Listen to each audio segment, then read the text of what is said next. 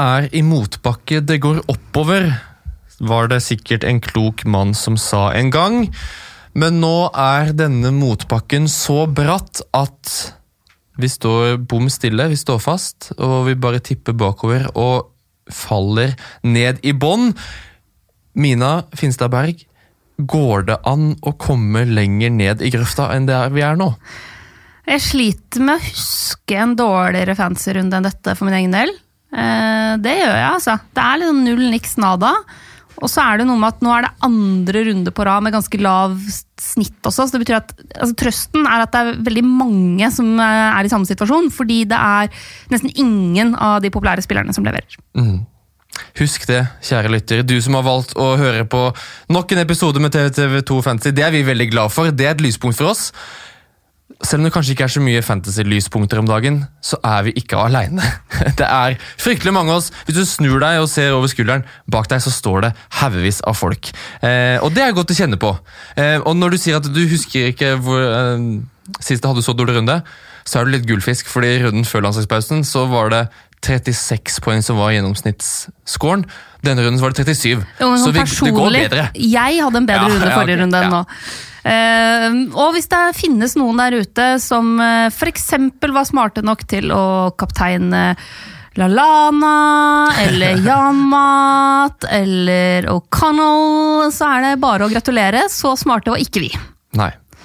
Hadde ikke Bernard på eh, lista over kapteinsalternativer i helgen som var. Han var ikke engang på lista når vi skulle eh, bestemme oss for wildcard-lagene våre. Før runden som var, mine, så aktiverte vi wildcardet begge to. Yep. Det var det vi brukte landslagspausen på. Eh, Jeg syns vi skal starte med det i denne episoden. Angrer du på at du brukte wildcardet og ender opp med å få hvor mange poeng? Jeg tror jeg er på 25 eller noe. Ja. Men eh, jeg har ganske mye poeng på benken, da. Ja. Der eh, sitter både Rico og Lundstrøm. ja, det gjør han hos meg også. Med 14 eh, poeng begge totalt. Mm. Men Du spiller altså wildcardet. Du kan velge akkurat hvem du vil. Eh, 24 poeng får du. Ja, 24 ble det. Ja, nei, På det 11 spillere. er kjempetungt. Hvordan føles det? Nei, det er kjempetungt, men jeg føler likevel at altså, Trøsten for min del er at eh, det var jo ikke mange av de spillerne jeg tok ut som leverte heller. Nei. Altså Sala, for eksempel, da, som ikke spiller engang. Mm. Så Pukki, ingenting. Joshua King, eh, ikke noe. Altså, sånn, så sånn sett så er det Det hadde vært veldig mye kjipere hvis alle de jeg tok ut av laget mitt, plutselig hadde eksplodert og tatt masse, masse poeng. Mm. Så ja, nei, det er, eh, det er tungt. Men samtidig så tror jeg likevel at eh, Jeg har jo fortsatt trua på det laget jeg har satt nå. Jeg, ikke, jeg satte jo ikke dette laget utelukkende pga. runde ni. Da hadde jeg i så fall bare brukt free hit, da, hvis dette Mm. var et lag kun for ei runde. Så jeg tror jo at dette er et lag som kan stå seg greit framover. Um, det store spørsmålet mitt er jo fortsatt uh, Jeg tok jo en gamble på Mares. Ja. Uh, han spilte ingenting. Så det var jo kjipt. Men uh, for å si det, sånn, det er jo ikke sånn at jeg da hiver han ut igjen med en gang. For det kan jo fort vekk bety at han får spilletid neste helg. Ja, det er en Altså, i den grad du kan få garantier fra Pep Guardiola om spilletid, så er vel det at du er på benken i foregående kamp. Noe av det nærmeste du kommer en garanti på at du spiller neste. Ja, Så får vi jo se hvem det er som eh, starter i, i kveld da, Mm. eh, i Champions League-kampen mot Atalanta. Ja, Det er en Champions League. Det er alltid gøy. Eh, Spennende å følge med på hvem som starter der. Du sa jo før Jeg må bare se, se på laget ditt her, Mina. Du sa i forrige episode at eh, du skulle ikke ha Lester, dobbel Lester bak. Ja, og det, Men her står både Ricardo Pereira og det er en sånn uh, rein uh, bommert. Hva har skjedd? Det er en rein bommert fra min side. Uh, grunn, jeg har beholdt Sojonsju fordi jeg kjøpte han for 4,5 og nå koster 4,7. Og det var ikke så mange andre til 4,5 som jeg syntes var dritbra. Så jeg tenkte ok, jeg kan heller bare beholde Sojonsju og benke han. Kanskje stiger han enda mer i pris hvis Leicester faktisk leverer defensivt i det programmet de har framover. Og da kan jeg eventuelt tjene litt mer på han seinere. Helt fin spiller også å ha, ha på benk uh, i en del kamper. Planen min var jo ikke å spille dobbel eh, Leicester defensivt eh, i den kampen her. Planen min var jo eh, å spille Rico. Ja. Eh, Men jeg ble så stressa rett før fristen der på om jeg skulle ha Kevin De Bruyne eller Tammy Abram eh, som kaptein, og var fram og tilbake fram og tilbake på det, at jeg glemte Og bytte ut Sørensen. Og cashe inn der. Nei, jeg hadde ikke tenkt å ta han ut av laget mitt. Jeg hadde bare tenkt å sette han på benken. Ok, sånn ja. Mm. Jeg trodde du skulle ha han ut eh, av laget. Nei, der tok jeg til slutt en avgjørelse som sagt på at eh, han har allerede steget 0,2 i pris jeg kjøpte den. Mm. Kan finne på å stige mer hvis, fordi Leicester har et bra program. Eh, sånn at det, det var ikke dritviktig å ta inn en annen billig Nei. mitt billig liksom 4,5 Mm. stopper, på en måte. Eh, så derfor så tenkte jeg ok, da lar jeg bare han stå, og så er han helt fin å få inn fra benk i de kampene jeg ikke bruker den. Mm. Eh, hvis, og hvis han stiger enda mer i pris, så Mm. kan jeg tjene inn litt mer penger på den. Det, det var egentlig for helt ærlig eh, avgjørelsen min der, men jeg hadde jo planer om å benke han. Ja. Det hadde jeg jo. Mm. Men eh, da sitter Rico på benken min med åtte poeng. ja. Og Lundstrøm Så, med seks poeng. Ja, med da. seks poeng. Lord Lundstram han fortsetter å levere. Jeg bare spiller han, vet du. Ja, det må man bare gjøre. Det må vi bare lære oss med en gang. Han er nå tatt tilbake til roden som den mest eh, Den beste forsvarsspilleren. Med flest poeng. Tro det eller ei. Eh, Men ytterst på benken min, der sitter han. Vi hadde jo Tammy Abraham som kaptein begge to. Det er eh, Det føltes jo veldig godt. Wildcard-laget mitt også føltes veldig godt. Jeg sto Jeg var også stressa før fristen, for jeg sto mellom to alternativer. Det var jo om jeg skulle ha Aguero og Aubameyang sammen på topp. Det førte jo til Det betydde at Trent Alexander Arnold ikke fikk plass. Da skulle jeg heller ha Kieran Tierney i forsvarsrekka. Eh, så skulle jeg da ha eh, Adama Traoré istedenfor James Madison. Det var, liksom, det var de tre komboene sto mellom. Nå i ettertid veldig glad for at jeg endte opp med å ikke velge da Aguero og Tierney, siden ingen av de spilte. Um, forstå seg på det den som kan. Det gjør ikke jeg. Men um, sånn sett ender opp med å velge et bedre alternativ med Callum Wilson og Trent Alexander Arnold. Eh, og Madison på midten, selv om det ikke blir noen poeng. Men Callum Hudson og Doy er lyspunkt, altså. Ni poeng. Ja, veldig bra han, altså. Så det er gøy. Da får jeg 34 poeng. Jeg er fortsatt under average, da. Men det føles allikevel godt. Men det er jo ofte sånn, syns jeg, at man altså det, at Når man setter et wildcard, så er det veldig sjelden at man får uttelling umiddelbart. Mm, Det er i hvert fall min erfaring. mm. Og mange jeg har prata med også, at det er veldig sjelden at det er liksom den runden du wildcarder, at da bare løser alt seg, og det renner inn poeng. Eh, men over tid så tror jeg jo likevel at eh, det kan funke. Ja, og selv om det er en runde som går fryktelig dårlig, ingen kapteinsvalg leverer i det hele tatt, så er det noe med at det gjør det så mye mer utforutsigbart. da. Det er, det er så åpent nå. Um, og alle har, gjør det ganske dårlig. Man, det går jo det er ikke alle det går veldig inn på, noen går det sikkert kjempetøft inn på. Men at det er, det er mange gode alternativer. Eh, Det er egentlig ingen å stole på. Det er jo egentlig bare gøy. Det er jo helt grusomt, sånn i etterkant. Men fram til helgens runde så syns jeg det er fantastisk gøy. Selv om jeg føler meg fryktelig dum, som i det laget jeg hadde før jeg tok wildcardet, så hadde jeg de to som plukka flest poeng denne runden. Ja, du hadde det. Marcos Alonso og Jack Grealish. Ja. Ehm, så sånn sett er jeg jo en skikkelig stor idiot, men som alle andre idioter så er jeg ute etter å lære noe av dette. Og jeg tror det at det beste måten vi kan lære noe av de to grusomme rundene vi har hatt nå, det er bare å finne fram penn og papir, og så bare stole på deg, Mina, at du gir oss svaret i nerdhjørnet. Åtte skudd på mål. 22 sjanser skapt. Heatmaps. 10 000 touch innafor 16. Minas nerdehjørne. Ja, nerdehjørnet i dag er jo egentlig bestilling fra deg, Ole Martin. Ja, jeg, jeg, som sagt, jeg har med penn og papir i dag. Ja, fordi du ville vite hvem som hvem av kapteinsvalgene forrige runde som faktisk leverte gode tall og bare Ja. hadde uflaks. Ja. Så jeg tenkte å ta en runde med noen av de eh, kanskje mest populære kapteinsvalgene for runde ni, og se litt hvordan de faktisk gjorde det, hvis man ser på tallene og ikke bare poengsummen. Eh, vi kan starte med Callum Wilson. Eh, to avslutninger, ingen på mål. Eh, expected goals på 0,08. Det er, det er, Det er sinnssykt mot ligas dårligste forsvar. Ja, så der eh, kan man ikke skylde på, på uflaks. Der eh, er det rett og slett ikke en god kamp. Mm, da tenker jeg bare med en gang. eh, For meg som har Callum Wilson, da blir jeg usikker på om jeg skal ha han i det hele tatt. Når Ja. han ikke klarer å levere det. Altså Han leverer niks nada hjemme mot Norwich. Uh, nå har det kommet to runder på rad med to poeng. Før det så har han vært uh, altså, trofastheten selv. Watford borte neste nå. Så United hjemme. Det er, for å si sånn, det er ingen grunn til å selge han før han skal møte Watford. Nå fikk jo de, seg, de fikk med seg et godt resultat nå i helga. Mm. Et veldig godt resultat, faktisk. Ja. Men likevel, det Watford har bevist så langt i sesongen, eh, tyder ikke på at man bør selge Callum Wilson før den kampen. Nei. I hvert fall ikke når du har hatt han ei runde. Ja, det er sant. Vi skal Så gi han litt tid. gi han litt mer tid der. Ja. Uh, Tammy Abram, vår Mm. begge to. Eh, fire avslutninger, to på mål. XG på 0,6. Har jo noen gedigne sjanser. ja, fordi når han da har to på mål, så regnes den i tverrliggeren ikke med. Stemmer. Ikke sant? Det den, og så er det den på åpen mål. så, Ja. altså Altså, den føler jeg det, fø- Abraham føles jo som et, det var et godt valg også i ettertid. Ja. Hadde Chelsea møtt Newcastle til helga så hadde jeg fortsatt hatt Tamir Abraham som kaptein, tror jeg. Hvis de samme alternativene var Hvis denne runden skulle spilles på nytt til helga, da, ja.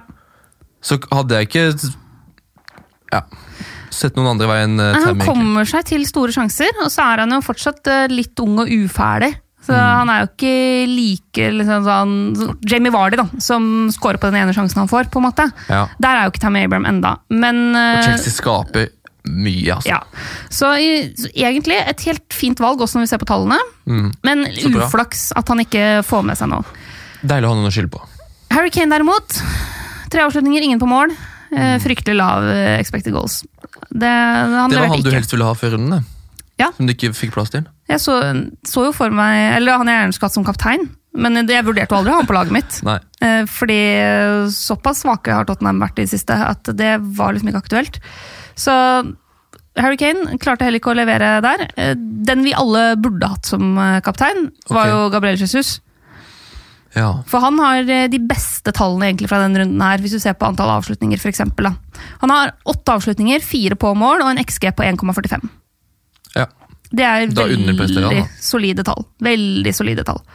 Men det er jo ingen av oss som har Gabriel Jesus, fordi enten har du Aguero eller ingen City-spiss. Fordi du- Aguero sannsynligvis kommer til å Hvorfor er det egentlig sånn? Jeg tror det er fordi eh, man alltid sitter med følelsen av at ok, eh, de begge kommer til å få spille, men Aguero er førstevalget, så han kommer til å spille litt mer. Ja. Sannsynligvis. Så du hva Pep sa etter kampen? Ja, at uh, Jesus er så innmari Han, er- han, er i flytsonen. ja, han er i rytmen, han er i flytsonen, Og og så er han verdens beste spiss på, på å sette et høyt press. Ja. Så det Og det, altså, det er, han er jo en Guardiolas spillestil-filosofispiss etter boka. Mm. Og denne diskusjonen skal vi ta litt seinere også. Jeg kan jeg kan bare tease litt med det. Men hvor, hvis det er like stor sjanse for at Aguero og Jesus spiller, da er jo Jesus en mye, har jo like stor verdi. Men, til, Når han er så men han mye koster 9,5, da. Vil du ikke da heller bare ha Jamie Vardy? Jo, det er jo selvfølgelig Ja. fasit den på alt. Ja. Stirling. Fire avslutninger, ingen på mål. Mm. Eh, og, men en forholdsvis høy XG, eh, altså 0,8. Mm. Får med seg en assist. Så det er ikke helt mørkt der. Eh, Kevin De Bruyne har kun én avslutning, men den går i tverrliggeren. Mm. Så han har på én avslutning en XG på 0,34. Det er bra. Altså det, da, da er det en ganske solid sjanse. Og så er det jo det som ikke er med i den statistikken her, det er jo at Gabriel Jesus altså har, han har mulighet til å sentre ballen, altså dytte ballen et par meter ut til Kevin De Bruyne, som da hadde åpent mål, men i stedet velger å prøve å gå sjøl. Det er jo sånn som de tallene her ikke fanger opp, men eh, det er jo helt vanvittig at eh, Jesus ikke ser. Altså Hadde Jesus hatt øynene, Han så hadde Kevin De Bruyne hatt scoring. Han ser det jo. Han velger jo bare å skyte sjøl. Selvfølgelig ser han det. Det er helt grusomt å se på når man sitter der med, med Kevin De Bruyne på laget. Fordi Mm. der har han jo kommet seg i en posisjon hvor han egentlig bare kan breise i ballen i et tomt, vidåpent mål. Ja. Men nei da! Sånn ble det ikke, vet du. Sadio Mané altså Salah spilte jo ikke engang. Sadio Mané, eh, null avslutninger. Har jo faktisk en scoring likevel, da, Ja. men den blir eh, annullert eh, pga. VAR, fordi den er borti hånda hans. Tre forsøk på assist, så det er liksom et lite lyspunkt der. Men eh, ikke Ikke stort, noe- men det er et lite telys som står derfra. og skinner inni hjørnet der. Aubameyang fryktelig svak, han også. Én avslutning. Det var begredelig i går. Ja. Eh, mot Sheffield United, som er solide defensivt, altså. Mm. Det må jeg bare si. Det imponerer meg. Men han har øh, Aubameyang har ett skudd. Det Mm. kommer på en kontring. Eh, XG på 0,1. Mm. Eh, kommer fra litt utafor 16. Ja. Så det er liksom ståa på de mest populære kapteinsvalgene. Ja, og så hvis vi, Gabriel Jesus er jo ikke aktuell, så Tam Abraham er, ja, ok, det er et lyspunkt i at tallene Det var et godt kapteinsvalg uh, after all, men det er mye mørketall her. Så jeg trenger noen lyspunkt, Mina. Ja, fordi de billige gutta, skjønner du, de leverer. Eh, Chris Wood i den eh, kampen her, eller den runden her, har fem avslutninger, tre på mål og XG på 1 1,26. Mot ganske solide Leicester. Yes, har jo levert forholdsvis jevnt nå over tid også. Det er Ja, interessant. Okay. Og så selvfølgelig My Boy Danny Ings. Har altså seks avslutninger, tre av dem på mål. XG på 1,18 eh, i den kampen her. Og det som også er interessant, skjønner du, at hvis vi ser på de tre siste kampene Ja. De tre siste rundene Han har skåra litt. Ja, han har skåra litt. Han scora tre, det er jo bra, det. Eh, Men han ha, gjør det også ganske bra på skuddstatistikken. Det er liksom ikke tilfeldigheter som gjør det. Han har elleve avslutninger på de eh, tre kampene. Og han har da seks av dem on target. Det er kun Tammy Abram som har flere skudd på mål i den perioden her.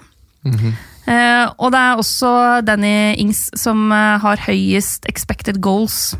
Han, har- han har jo skåra tre og har 3,17 expected goals på de siste tre kampene. Ja. Så han Og det, har mot, og det er mot Tottenham, Chelsea, Wolverhampton. Det er tre solide, solide lag. Jeg vurderte jo å ta han inn på wildcardet mitt, men jeg vet jo at idet jeg gjør det, så blir han skada. Så for alle andre så er det jo bare å hive seg på her. Nå møter de Leicester og City på de to neste. Må men må nevne Chris Wood, da. Faktisk også. Ja. Som har eh, åtte avslutninger, fire på mål. Eh, Burnley kommer seg jo gjerne til litt færre. Ja, jeg synes Chris Wood er spennende.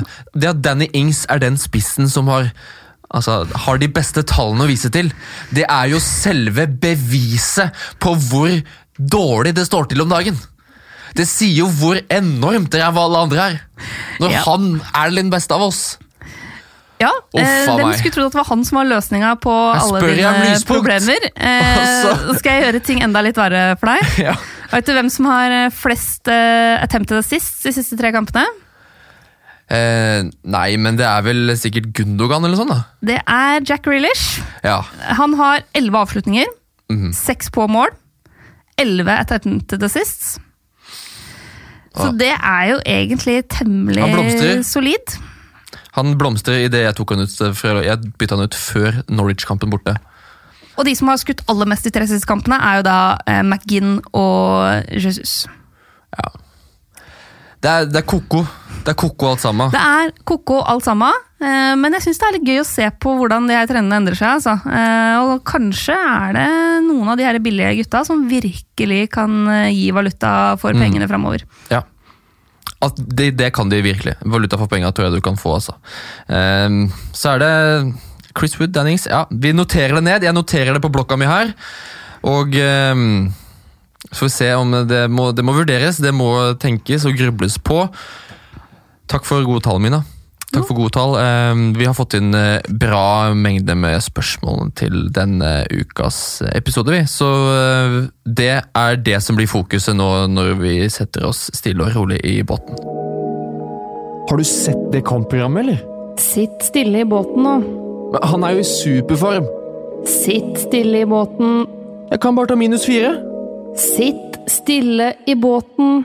Adrian Fjelstad er eh, rett ut og spør på Facebook-gruppa vår TV2 Fantasy skal man sitte i stille båten med Luka Din og Temo Pukki. To eh, favoritter som har blitt eh, ikke så store favoritter lenger. Luka Din aller først. Får jo en etterlengtet eh, smultring, holder nullen nå mot Westham. Er Everton friskmeldt etter den matchen? Det tar litt mer enn én kamp, syns jeg. Men det er verdt å nevne at uh, Luka Din ligger ganske høyt når du ser på, på måte, assist, altså forsøket på assist og expected assist. Så uh, på de siste kampene så har han levert ganske solid, altså. Eh, nå er jeg fortsatt usikker på om han er eh, verdt seks blank. Det er han jo ikke. Det tror jeg heller ikke han er. Og da er det jo spørsmål om ok, skal man eh, beholde han Altså, jeg ville beholdt han mot Brighton. Ja. Og så kommer det jo en kamp mot Tottenham etterpå. Mm. Men jeg ville ikke altså Med mindre alt annet i laget ditt er perfekt, så ville jeg ikke prioritert å bytte ut Lucadini før eh, kamp mot Brighton. Nei. Altså, desem, altså Men, Førjulstida men han, han bør til ut eh, til advent, ja. Ja. Første søndag advent, da er det inn med adventstanken og ut med Lucadin. Fordi, Vi kan ta det veldig kjapt. Det kampprogrammet Everton har eh, mellom 1. desember og egentlig fram til Boxing Day, Mm. er jo da Leicester, Liverpool, Chelsea, Manchester United, Arsenal, så kommer Burnley Mm. da andre juledag. Mm. Ja, fordi Når vi da er inne på øh, venstrebekker som er ganske dyre, øhm, så er- frister det jo kanskje mer som Ole Tobias med Andersen foreslår, å hoppe på toget eller hoppe på båten. øh, Det er riktig fremkomstmiddel her hos oss, i hvert fall. Som heter Marcos Alonso. Ja, Eh, Ole Tobias foreslår da, skal man øh, kjøre Alonso, eller skal man prioritere Ricardo Pereira? Som er da gode alternativer i samme prisklasse som Lucadin. Mm.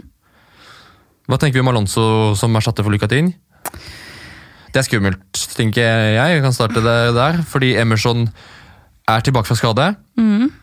Var et klart førstevalg på venstrebekken i starten av sesongen. Så ble han skada, så Alonso grepet muligheten. Ja. Eh, Det var for så vidt derfor jeg satte han inn uh, for tre runder siden. Og så tenkte jeg her kommer det en sånn 14-15 poenger veldig snart. Og så kom den litt for seint, for min del. Men koster 6,2, har en eierandel på 3,3 mm. Har da levert 24 poeng på sine siste tre. Så det er jo litt usannsynlig at Lampard skal sette han rett ut av laget.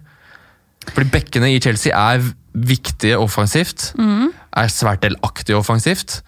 Og der vi i starten av sesongen snakka om at Emerson var Det er mye potensial der, for han er så offensiv. Han med, det, er liksom, det, det løsner snart. Så setter han inn Alonso, og så kommer det assist, så kommer det mål. ja men eneste grunnen altså, Emerson så veldig bra ut før han blei skada. Mm. Alonso ser veldig bra ut nå. Ja, så for meg så er det, det åh, Jeg syns den er vanskelig, altså. Eh, jeg ville ikke gjort det byttet nå, tror jeg. For da ville jeg, jeg ville venta og se. For nå er jo Emerson nettopp tilbake. Mm. Om Alonso fortsatt holder unna Mm. den plassen. Det, jeg, jeg mener jo fortsatt at Emerson er bedre defensivt. Ja, det er jeg enig i. Ja, selvfølgelig. Men Alonso jo- ikke bedre offensivt. Så det kommer helt an på hva, hvordan Lampert tenker å prioritere. Mm. Ja. Eh, nå kommer det De skal møte Ajax nå i midtuka. Så er det Den kampen gleder jeg meg til! det må jeg bare si. kjempe, kjempematch. Det er jo juniorkamp, egentlig. Eh, Det er bare 19-åringer på hele banen. Jeg skal kose meg. Og så er det borte mot Burnley, og så kommer det jo eh, Carabao Cup mot United. Altså Det er mye ganske tøffe og forholdsvis store kamp for Chelsea, for, for den saks skyld. Mm. Jeg tror man får gode muligheter til å se hvem Lampard egentlig vil bruke. Jeg tror det kommer til å, Man kommer til å bruke begge. Så til seks millioner så vil du ha noen som spiller. Yep. Så det er jo Ricardo- Pereira. Ja, det, det er jo. Den store fordelen hans er jo nettopp det. At uh, man er kjempesikker på det. Det er liksom som vi snakka om, at nå må jo Tierney få sjansen. Mm. Men nei da. Nei, Det er jo helt sykt. Så det er spares han vet du, til Europaligaen. så på samme måte som vi tenker at uh, ja, men nå er Alonso så bra, så nå må han Det er hans plass å miste. Det er så sant, vet du. Vi kan sitte her og, og være så skråsikre vi bare vil. Og så bare, bare ta eh, Ta Pereira, da. eh, I den kampen han hadde nå mot Burnley. Det blei jo ikke noe der, men han har altså fem forsøk på assist. Mm. Eh, og han har, hvis jeg kan telle her, jo han har, fi, han har tre pasninger, innlegg, eh, hva du vil kalle det, inn i boksen. Mm. Eh, og han har én inni selve boksen når han legger ut til PRS Peres der. Mm. Så fem forsøk på assist, det er ikke så gærent, det, altså. Nei, nei. Nei, det er ikke det. Fortsatt fine kamper. Så ja. Um, så følg med, ja. Vi, jeg tror vi kan også kan konkludere med at utenom Pereira, Trent Alexander Arnold, dette har vi sagt tidligere også, så er det vanskelig å finne verdi over fem millioner. ja. Akkurat nå er det det. Får vi se med f.eks. Mendy altså, hva- Doherty. Doherty. Hva skjer Men egentlig han var der? benka nå igjen, så det er vanskelig. Mm. Wolverhampton spiller også i Europa, så det er vanskelig med gode alternativer. Ehm, Jeg, skal, jeg har ikke glemt at du spurte om Pukki også, Adrian. Eh, så jeg skal bare hente inn Pukki på tampen der.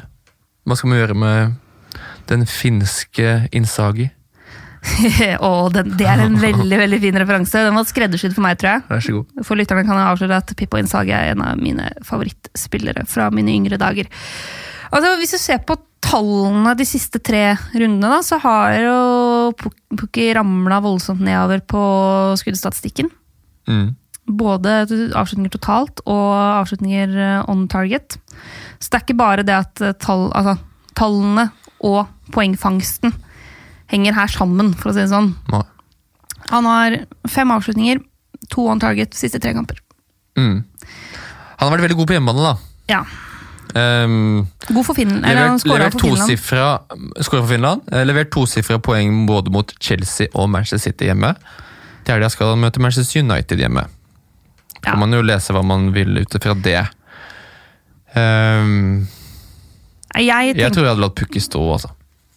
Jeg kvitta meg jo med han på wildcardet, så jeg står Ja. for det. Hvis du er i en situasjon at du har ett bytte frem til helga, så tror jeg det Jeg tror det er flere. Det er fordi alternativene er til Pukki det er Danny Ings og Chris Wood. Danny Ings! Ja, så er det Så tror jeg du kan like god mulighet til å la Pukki få en kamp eh, til. Um, Southampton hjemme mot Leicester med Ings kan funke. Og Chris Wood kommer jo sikkert til å skåre mot Chelsea, han. Så, Altså, jeg sitter jo her med Jordan Ayew, så altså ja. så hvem er vel du til å snakke ned Pukki? Um, vi kan ta en liten update på Mohammed Salah, fordi um, han var jo ikke med i helga. Eh, Selv om han ble meldt at liksom ja, det var ingenting som sa at han ikke skulle være med. Nei. Så det var jo en overraskelse. Um, siste oppdatering der er at han um, kanskje er klar til Champions League denne uka. Liverpool skal møte Genk. Eh, så det betyr jo at han er klar til helgen.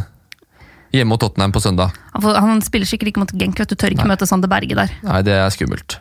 Så eh, da sparer han seg til å møte Fertongen og gjengen mm, på søndag. Eh, så de som fortsatt sitter med Sala, trenger ikke å bli noe stressa. Jeg vil i hvert fall vente og høre liksom inn Ja. mot helga hva som faktisk er ståa. Så er jo spørsmålet om Sala er verdt det, da. Mm. Eh, Det har vi diskutert eh, en del. Vi har Altså- ikke, tok han jo ikke med på wildcardet vårt, i det hele tatt, så vi mener at han ikke er det. Ja. Og det står vi fortsatt uh, for. Eh, det er flere dyre midtbanespillere som eh, ikke kanskje er verdt det om dagen. Edvard Tollefsrud er inne på Hongmin Son. ja. Eh, han sier Tottenham spiller jo som fulle sjømenn om dagen. Og han er inne på noe der. Men han har også et godt poeng i oppfølginga si, at samtidig så går så å si alt Tottenham skaper offensivt via Hong Min Son. Mm. Er han verdt penga? Ikke basert på det han leverte i helga, i hvert fall. Nei. Men eh, jeg er veldig spent på, på Tottenham i kveld. De spiller mot Røde Stjerne Mm. i Champions League. Om vi får da se et Tottenham som slår tilbake, kan spille på seg litt sjøltillit.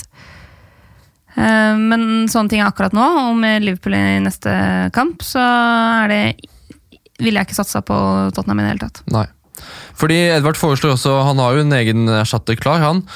Han vurderer altså Antony Marcial som en erstatter. Eh, som nå er eh, så å si skadefri. Er Kommer jo inn. Ja, kom inn. Er så definitivt på blokka mi. Ja. Jeg kommer aldri på det toget hans i sesongstarten. Eh, Nå er eierandelen hans nede i 3,2% Kampprogrammet er fint. Jeg tror at mye av altså kan du si at Manchester United er dårlig offensivt. Og når de skal møte lag som ikke gir de kontringsrom, så er de enda dårligere. Men det kommer de så fort vekk til å få mot Norwich. Det er akkurat det de kommer til å få. Så kommer Bournemouth og Brighton, Sheffield United, Aston Villa etter det. Ja. Det er noen lag, altså Sheffield United borte er det bare å glemme å få kontringsrom på.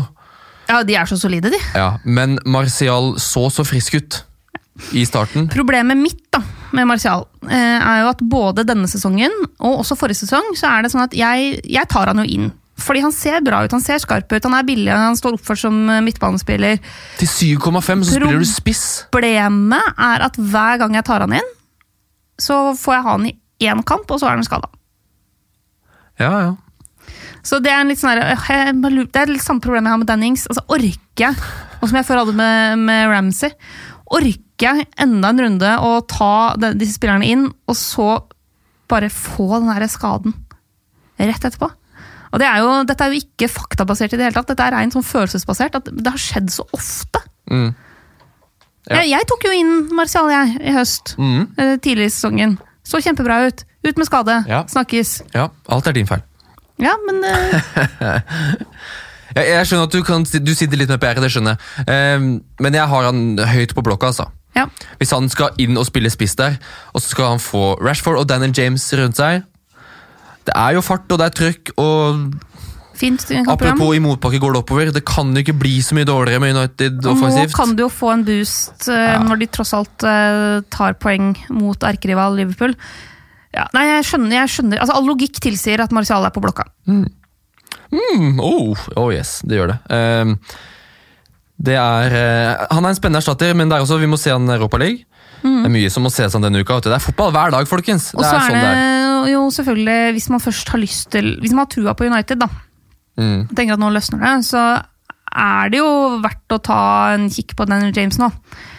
Ja, for, altså, det, er jo, det er jo nesten ja, Daniel James er definitivt Han koster 6,1. Ja. Altså, det, er det, det er jo ikke flust av midtbanespillere som presterer kjempebra, uansett. Nei, og til, til 6,1, da er vi på en måte Da er vi nede på sånn uh, El Ghazi-prisklasse. Mm. Så Det er noen Chelsea-gutter som vi skal innom seinere, som selvfølgelig er um, høyaktuelle. men Daniel James han har altså starta alle kampene unntatt den første. Mm. Uh, han har tre mål og én assist. Ja, han er også spennende. Men eh, altså, jeg kommer ikke til å hive han inn denne runden her. Eh, men eh, han er verdt å vurdere, altså. Det er flere flere gode alternativer på midtbanen i Manchester United. Det er flere midtbaner i Manchester som må snakkes om. Mange spør om Manchester City. Det gjør vi hver eneste uke. Det er jo en, Den rotasjonsruletten til Pep Guardiola er jo en gavepakke. Vi hadde hatt korte episoder, Mina, hvis eh, han ikke hadde vært trener i Manchester City. Eh, så vi får starte med Mr. Mitte03, som har sendt oss spørsmål på Instagram-profilen vår, der vi heter TV2 Fantasy. Han, eller hun, kan være en hun selv om det står Mister, lurer på om det er verdt å ha tre City-spillere. Hvis vi starter der. Ja. Kort svar, er det verdt det? Jeg syns ikke det. Nei. Altså, vi har jo valgt begge to på vårt wildcard å ikke ha det. Mm. Vi har bare én. Jeg har to. Du har to. Jeg har Mares. Ja. Jeg har bare én. Jeg har Kevin De Bruyne. Jeg kan si Han er den eneste jeg stoler på. Eh, ja, Kevin De Bruyne er den jeg er tryggest på. Eh, så skal man ha en, så mener jeg det er Kevin De Bruyne man bør ha. Mm. Defensivt så er det få der. Jeg eh, Altså, nei. Nei? Det, det blir ikke noe defensiv City på meg, sjøl om de jo tross alt uh, Nei, For John. Stones er jo skadefri, men han får ikke spille. Nei. Han var jo klar, han. Uh, Men eh, Rodri og Fernandinho er bedre stoppere, tydeligvis. Ja. Uh, Joakim Gunnar skal ha ut Otamendi, det skjønner jeg. Ref forsvarsdiskusjonen vi hadde i stad, så er det vel når han, For han så blir Ricardo Pereira altfor dyr. Så da er det vel bare å kjøre inn Sionchu. ja, noe sånt noe. Fordi nå er jo Mendy tilbake. Mm. Eh, Stones. 5,9. Cancelo spiller Ja. jo 90. Og Carl får Walker bonuspoeng og hele pakka. Carl Walker har trent igjen, Ja. så det er ikke noe langvarig. Så det er vanskelig Jeg syns fortsatt det er vanskelig å forstå hvem som er førstevalgene i den forsvarsrekka der. Mm. Jeg vet ikke om Pep vet det heller, for helt ærlig. Nei, jeg tror ikke han, nei, han Altså, ikke så så lenge Laporte er ute, på en måte, så Å, jeg gleder meg til han blir skadefri igjen, jeg. Ja. Han kommer jo sikkert til å Ja, nå koster han 6,3. Han blir ikke så mye billigere enn det, vet du. Blir ikke så mye Det er ikke, er ikke men- noen som sitter på Laporte nå, Nei. som hiver han ut en masse. Det er det ikke. Men vi får vente, vi får vente på noe godt, og håpe at vi ikke venter forgjeves. Men Eh, foreløpig defensivt, ikke City for min del. Ikke aktuelt. Vi holder oss langt unna. Marius Siljan lurer på hvem man skal ta inn for Marius. Jeg kommer til å holde han nå.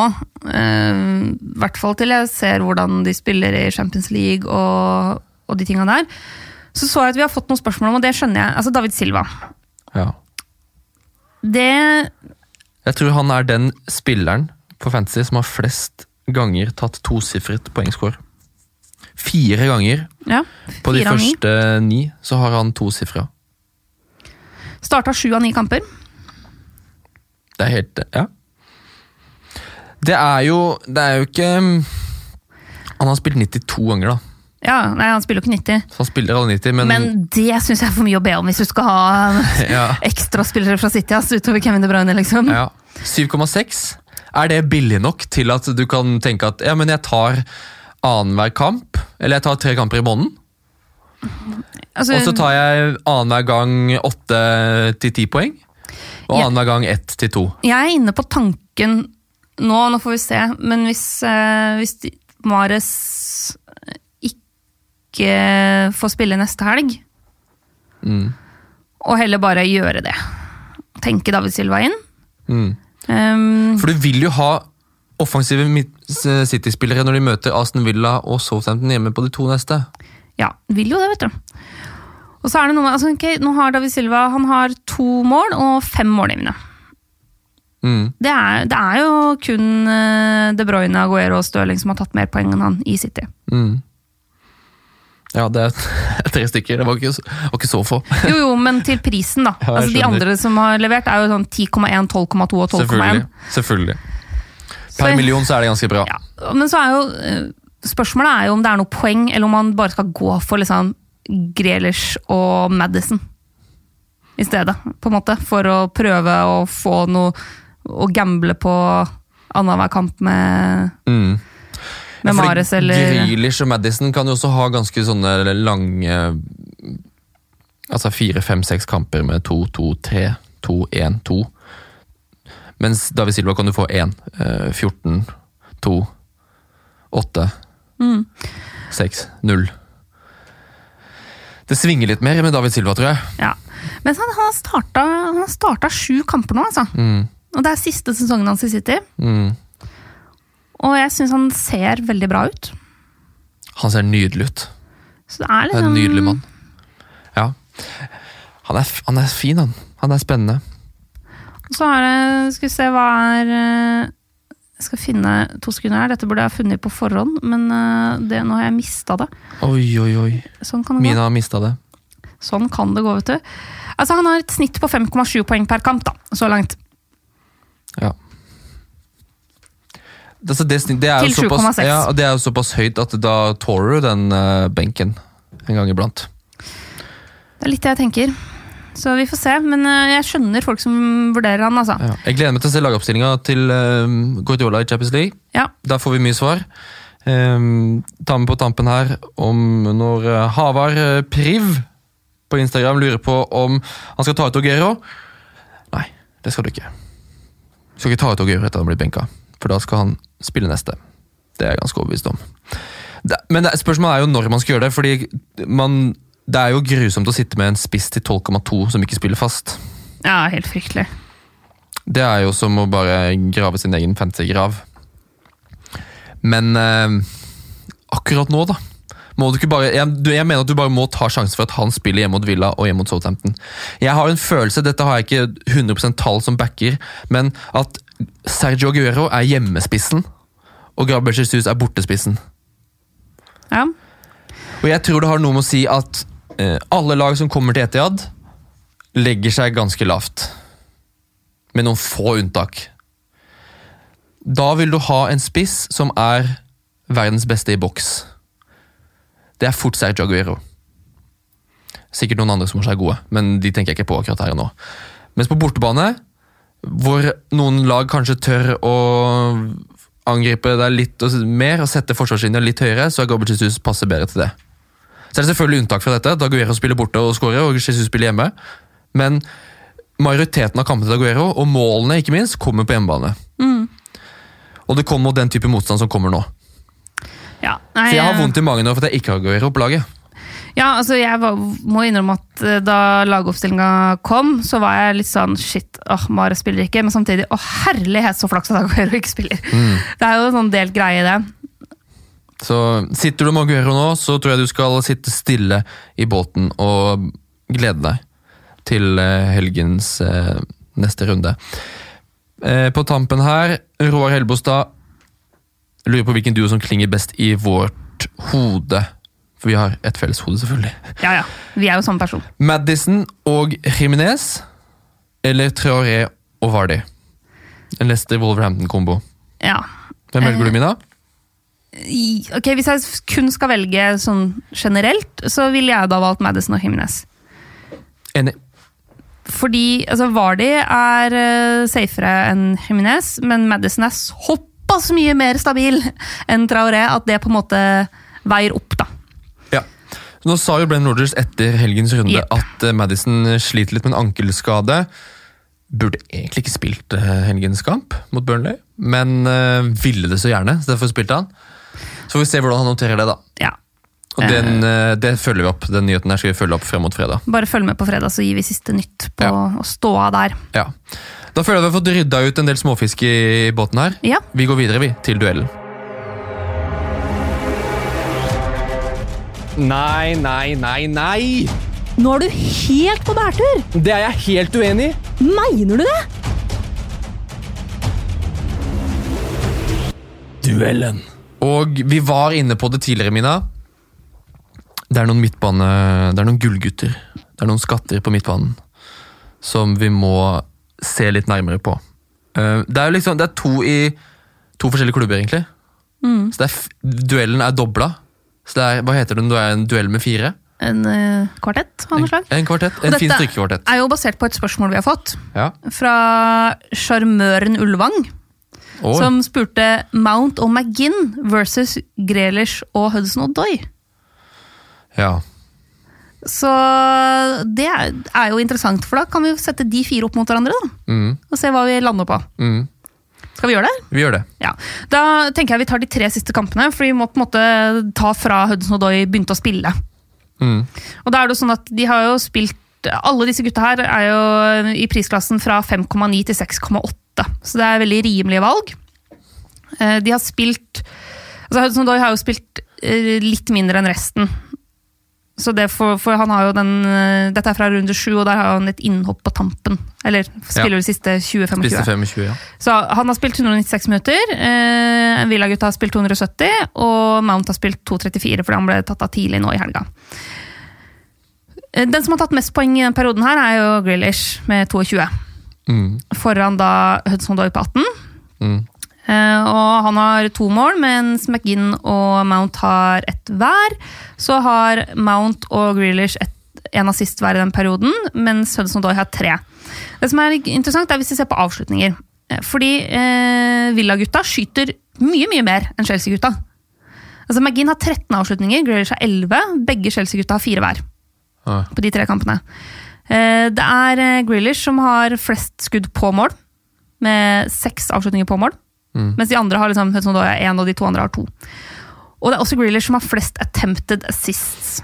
Han har elleve mot Hudson Odoi på ni, og så er McGinn og Mount like på seks hver. Så Det er på en måte tallenes tale. Basert på det, nå skal vi ha i mente her sånn at Hudson Odoi har spilt en del mindre, altså færre minutter enn de andre. Men i og med at altså Grealish topper, eller topper skudd på målstatistikken, henger nesten følge med meg inn på avslutningsstatistikken, eh, topper soleklart assistforsøkstatistikken, mens da Hudson og Doy er like bak på assister og matcher Mason Mount på avslutninger totalt. Mm. Og har fått med seg tre assister i den perioden. Så heller jeg eh, mot den duoen, altså Graylish og Hudson og Doy. Mm. Ja, det er åpenbart. Ja. Det er også de to som ligger høyest i det her bonuspoengsystemet i den perioden. Doy får jo tre bonuspoeng denne runden. Mm. Um, så han skårer like høyt som Alonso, som holder null og blir matchvinner. Ja. Det er ganske godt gjort. Um, Mason man blir tatt av tidlig der. Det kan jo bety litt, men at eh, Grealish og Hudson Doy per nå virker som den beste duoen, er vi helt enige om. Ja. Vi hører på Og også den billigste duoen. Ja, definitivt. Um, du som har Mason Mount, Mm. hvor mye frister det å hive han ut og hive inn Grealish eller Hudson Odoi? Nei, eh, jeg kommer ikke til å hive ut Mason Mount med det første. Det gjør jeg ikke, altså. Fordi ja, jeg syns Hudson Odoi ser ut som et kjempevalg. Han ser kjempefrisk og fin ut. Så jeg hadde ikke hatt noe som helst problem med å ta inn han hvis jeg ikke hadde hatt Mason Mount. Men jeg syns fortsatt at det å ha tre offensive Chelsea-spillere er litt i overkant. Det å dunke inn Hudson i tillegg til Tammy Abraham og Mason Mount, det er, det er mye å legge på skuldra til tre veldig unge gutter. Og jeg syns Mount fortsatt har vist såpass mye at jeg ikke eh, gidder å ta han ut nå. Han brenner en kjempestor sjanse i helga. Så jeg tenker jo Hvis du ikke har Tammy Abraham, hvis du ikke har fått hoppa deg på det toget der, men har Mason Mount, Ja. Så kan du, så kan du fint gjøre Callum Mason Odoi og Mason Mount Ja, sammen. ja, ja. Men jeg tror du må ha to offensive Chelsea-gutter nå. Hvis du per nå kun, kun har én Chelsea, eller ikke har Chelsea i det hele tatt, så vil jeg fortsatt stå på at mitt første valg å ta inn nå ville vært Hudson Odoi pga. pris. Mm. Uh, så der er det liksom ganske greit. Og så syns jeg at nå har jo altså Aston Villa har ikke det peneste programmet. Det, Nei, det må vi jo jo- være enige om. Ja. Eh, nå har de City og Liverpool på de to neste. Ja. Så det er jo ikke sånn at det, det haster voldsomt å få på Grealish og McInn. Men er, det- er det ikke dette, må man ikke bare skrive opp i bakhodet, da? Jack Grealish er en spiller du kan sette inn på laget, og som kan levere jevnt. Det var jo det jeg sa til meg sjøl når vi starta denne sesongen. Og så satte jeg inn på laget og så tenkte jeg, ok, det, ko- nå har det vært tre topoenger på rad. Greit, det kommer sikkert en assist snart. Og så kommer det en assist på de første seks kampene, eller hva det var, og så tenker jeg ok, men nå er det, nå er det nok. Nå må jeg ha noe mer eksplosiv spiller. Um, så jeg føler, jeg føler jeg har virkelig bomma totalt på, på Jack Grealish. Hadde han når det var dødsstille, og så tok jeg den ut rett før det eksploderte. Men han beviser vel at han er en som kan levere jevnt, da. Ja, altså, det han Han har jo levert nå eh, Han har to uh, skåringer og tre målgivende.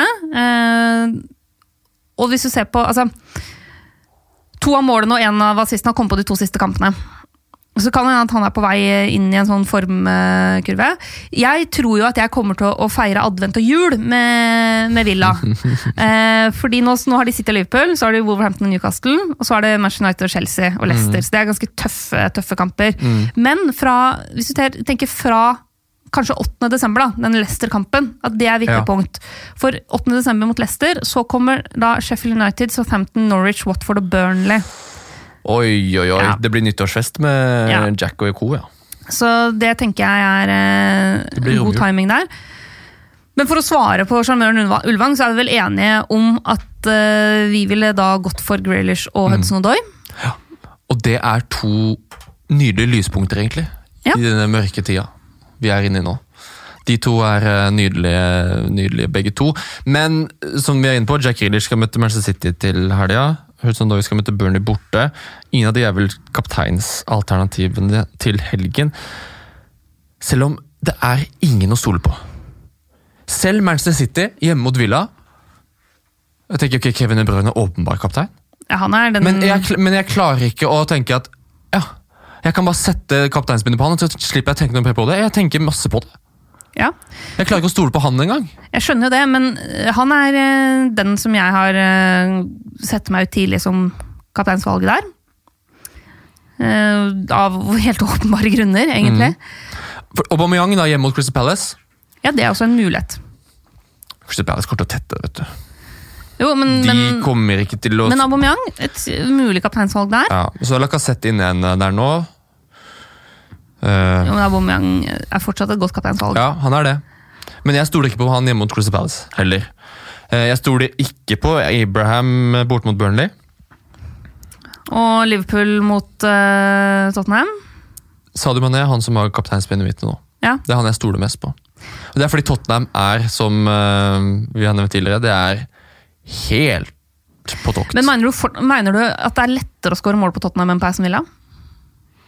ja. Der vil jeg være uenig.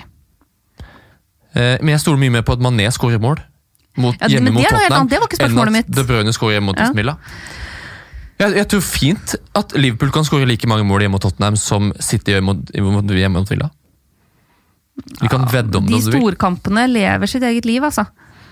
De gjør jo det. Mm. Hva sa du før eh, United-Liverpool nå på søndag, Ole Martin? Og Mané kjempekapteinsvalg Ja, kjempekapteinsvalg mot et. United-lag som hangler osv. osv. Mm, jeg sa det. Null avslutninger. Ja. Så de storkampene det er vanskelig å spå. Altså. Men Men Eh. hva sa vi i forrige episode også? Tottenham skudd imot. ja, Grusomme. ja da. Vi får se i kveld da, når de spiller mot Røde Stjerne. Det er flaks. Det- Griseflaks som får med seg poeng imot Watford. Men da får vi se i kveld mot Røde Stjerne hvordan de leverer da. Eh, og så må vi jo faktisk hive inn eh, Jamie Vardy bort mot Southampton, syns jeg. Som en litt sånn joker-kaptein. Ja. Jeg syns ikke det er det dummeste.